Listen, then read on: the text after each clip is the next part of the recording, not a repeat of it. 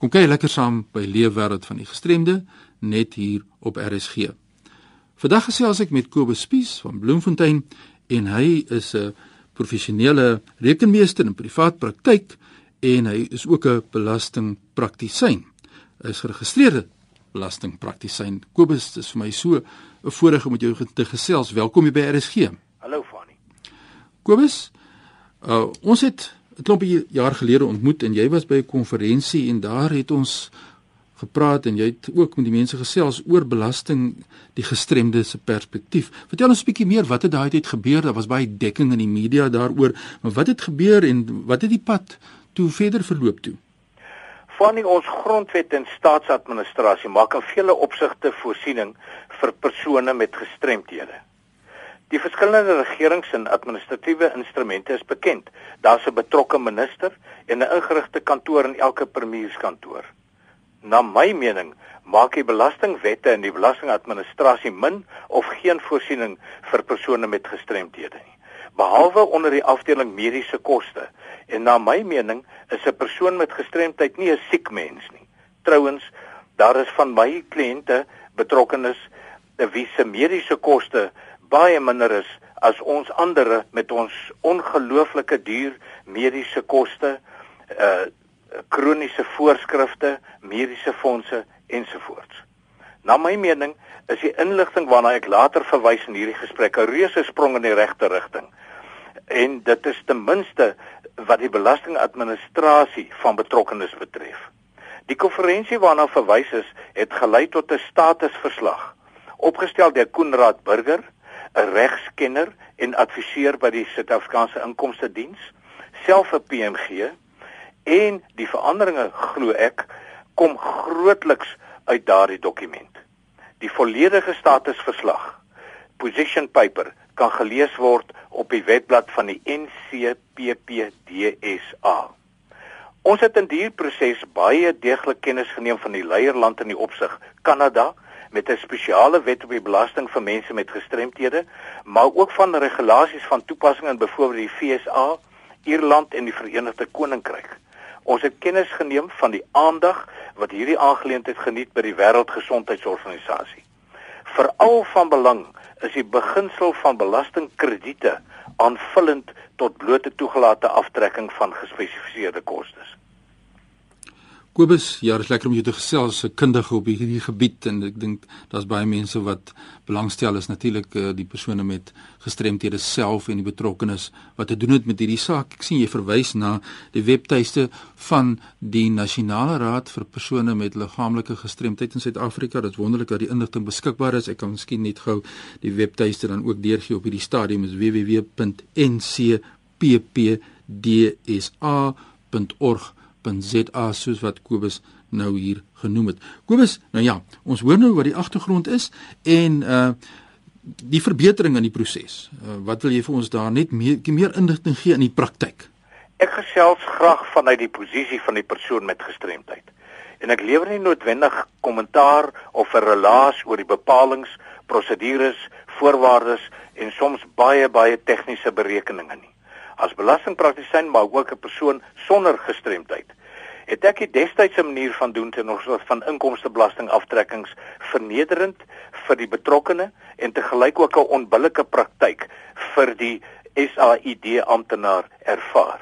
'n Amptenaar ongeag sy of haar senioriteit moes besluit oor die toelaatbaarheid van 'n uitgawe en so 'n soort van 'n liekrake oordeel oor die graad of erns van die gestremdheid van die betrokkene vel hoogstens met 'n interne riglyn in die hand. Nou word die oordeel aan die persoon se persoonlike spesialis geneesheer gelaat en amptelik gedokumenteer. 'n Lys van kwalifiserende uitgawes met verduideliking is nou algemeen beskikbaar vir openbare kennisname. Jy weet ek kan nouliks die uh versoeking weerstaan om die hele lys hier te sit en aflees, maar ek volstaan by enkeles waarmee ek self betrokke is of was en wat in die verlede grootliks afgewys is. Dis uitgawes soos die koste van die opbouing van 'n motor veral, koste vir die verandering van 'n woning, opritte, verandering in die kaste en krane en toerusting in die huis, vergroting van 'n swembad, koste vir tuisversorging. Let wel met spesifieke verwysing na reiskoste, vervoer en opleidingskoste. versekering van duur apparaat soos in die geval van 'n kokleaire implantering soos in jou persoonlike geval en die ongelooflike ander koste wat siggestremdes en gehoorgestremdes het ten opsigte van brailletikmasjiene, spesiale skryfmateriaal, spesiale rekenaartoerusting en programmatuur ensovoorts. Ek verwys hier spesifiek graag na die vorm ITR-DD wat deur die betrokkene se spesialis geneesheer voltooi moet word. Van die hierdie vorm ITR-DD is na my mening die grootste verbetering in hierdie hele aangeleentheid ter sprake. Kobus, mense luister nou en wonder, uh, weet hoe kan hulle die uh, beste, die maksimum voordeel geniet? Wat sê jy vir mense? Ons gaan nou aan die einde van die program weer hierdie kontak besonderhede deurgee wat ook net nou genoem het, maar maar kom ons kyk na die maksimum voordeel. Wat sê jy vir die mense die stappe wat die mense moet volg? Ek uh, beveel aan dat betrokkenes gerus self meer uitvind ten opsigte van hierdie aangeleentheid. En ek beveel sommer 'n maklike kortpad aan deur my eie webwerf, naamlik www.spiesacc.co.za. Klik regs onder op die direkte skakel na die SARS webblad. En op die SARS webblad klik uh, links bo op die woord individual en dan op die volgende kieslys tax and disability. Nog 'n baie groot verbetering dat gestremdheid nie meer eers funksioneer en nêrens te vind is nie.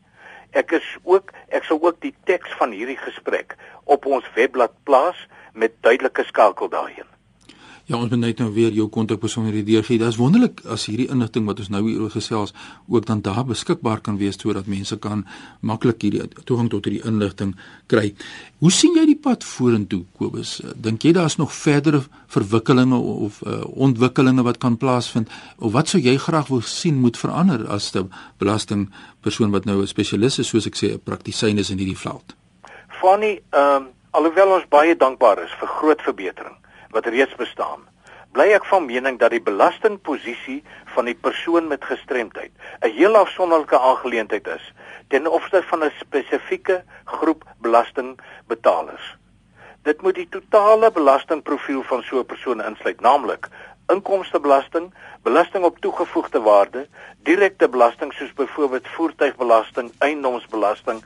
In Ierland byvoorbeeld betaal 'n betrokkene wat 'n plaas verhuur geen belasting op die huur ontvang nie. Belasting op enkel bedrag uitbetalings en so meer. Verdere ontwikkeling uh in hierdie gebied sal alleenlik geskied as die owerheid, die administrasie en die wetgewer voortdurend ingelig en aangemoedig word deur die gemeenskap van mense met gestremdhede. En ek dink die instrument hier soos jy ook reeds genoem het, is die Nasionale Raad vir persone met gestremdhede.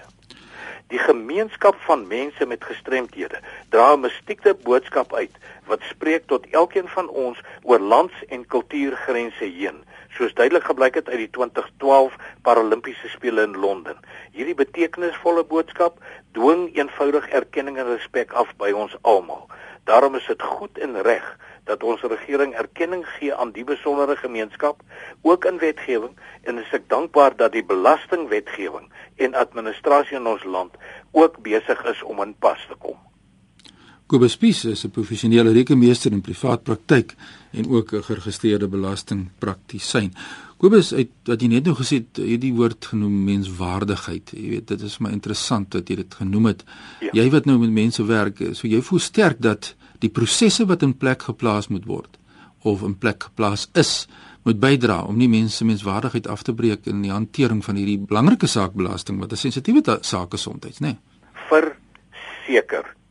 Dit was juis die punt wat my uh gemotiveer het om my eie kop uit te steek ongevraagd, onbetaald, ongenooid eintlik wil ek amper sê, want dit was wat ek ervaar het as belastingpraktisyn dat die uh persoon met gestremdheid het 'n uh, soort van uh jong ek wil amper sê 'n vraag of 'n soort van 'n verleë houding oor die uitgawes wat hy aangaan. En ek dink dit is 'n onbillike praktyk wat nou aangespreek word en ten volle glo ek uh verbeter sal wees.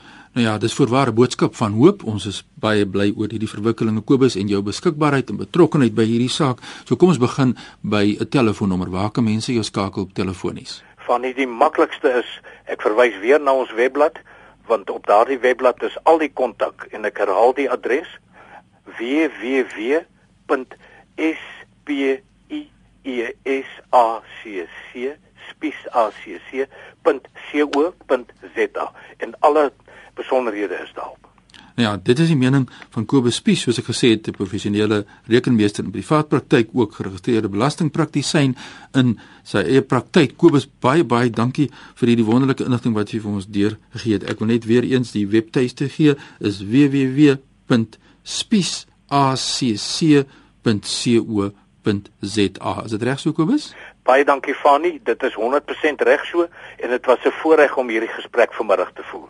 Nou ja, dit is ons verantwoordelikheid by RSG om hierdie inligting na die gemeenskap deur te gee sodat die mense weet trok is by hierdie saak wat hulle te doen staan. Indien nie enige voorstelle het, stuur sommer nou 'n e-pos aan my by fani.dt@mweb.co.za of volg my by Fani Dreams. Ja nee, so kan ons lekker gesels en inligting deurgee oor die leefwêreld van mense met gestremthede. Onthou die program word Woensdaeoggende om 3:15 herhaal of dit kan aflaai by Potgooi.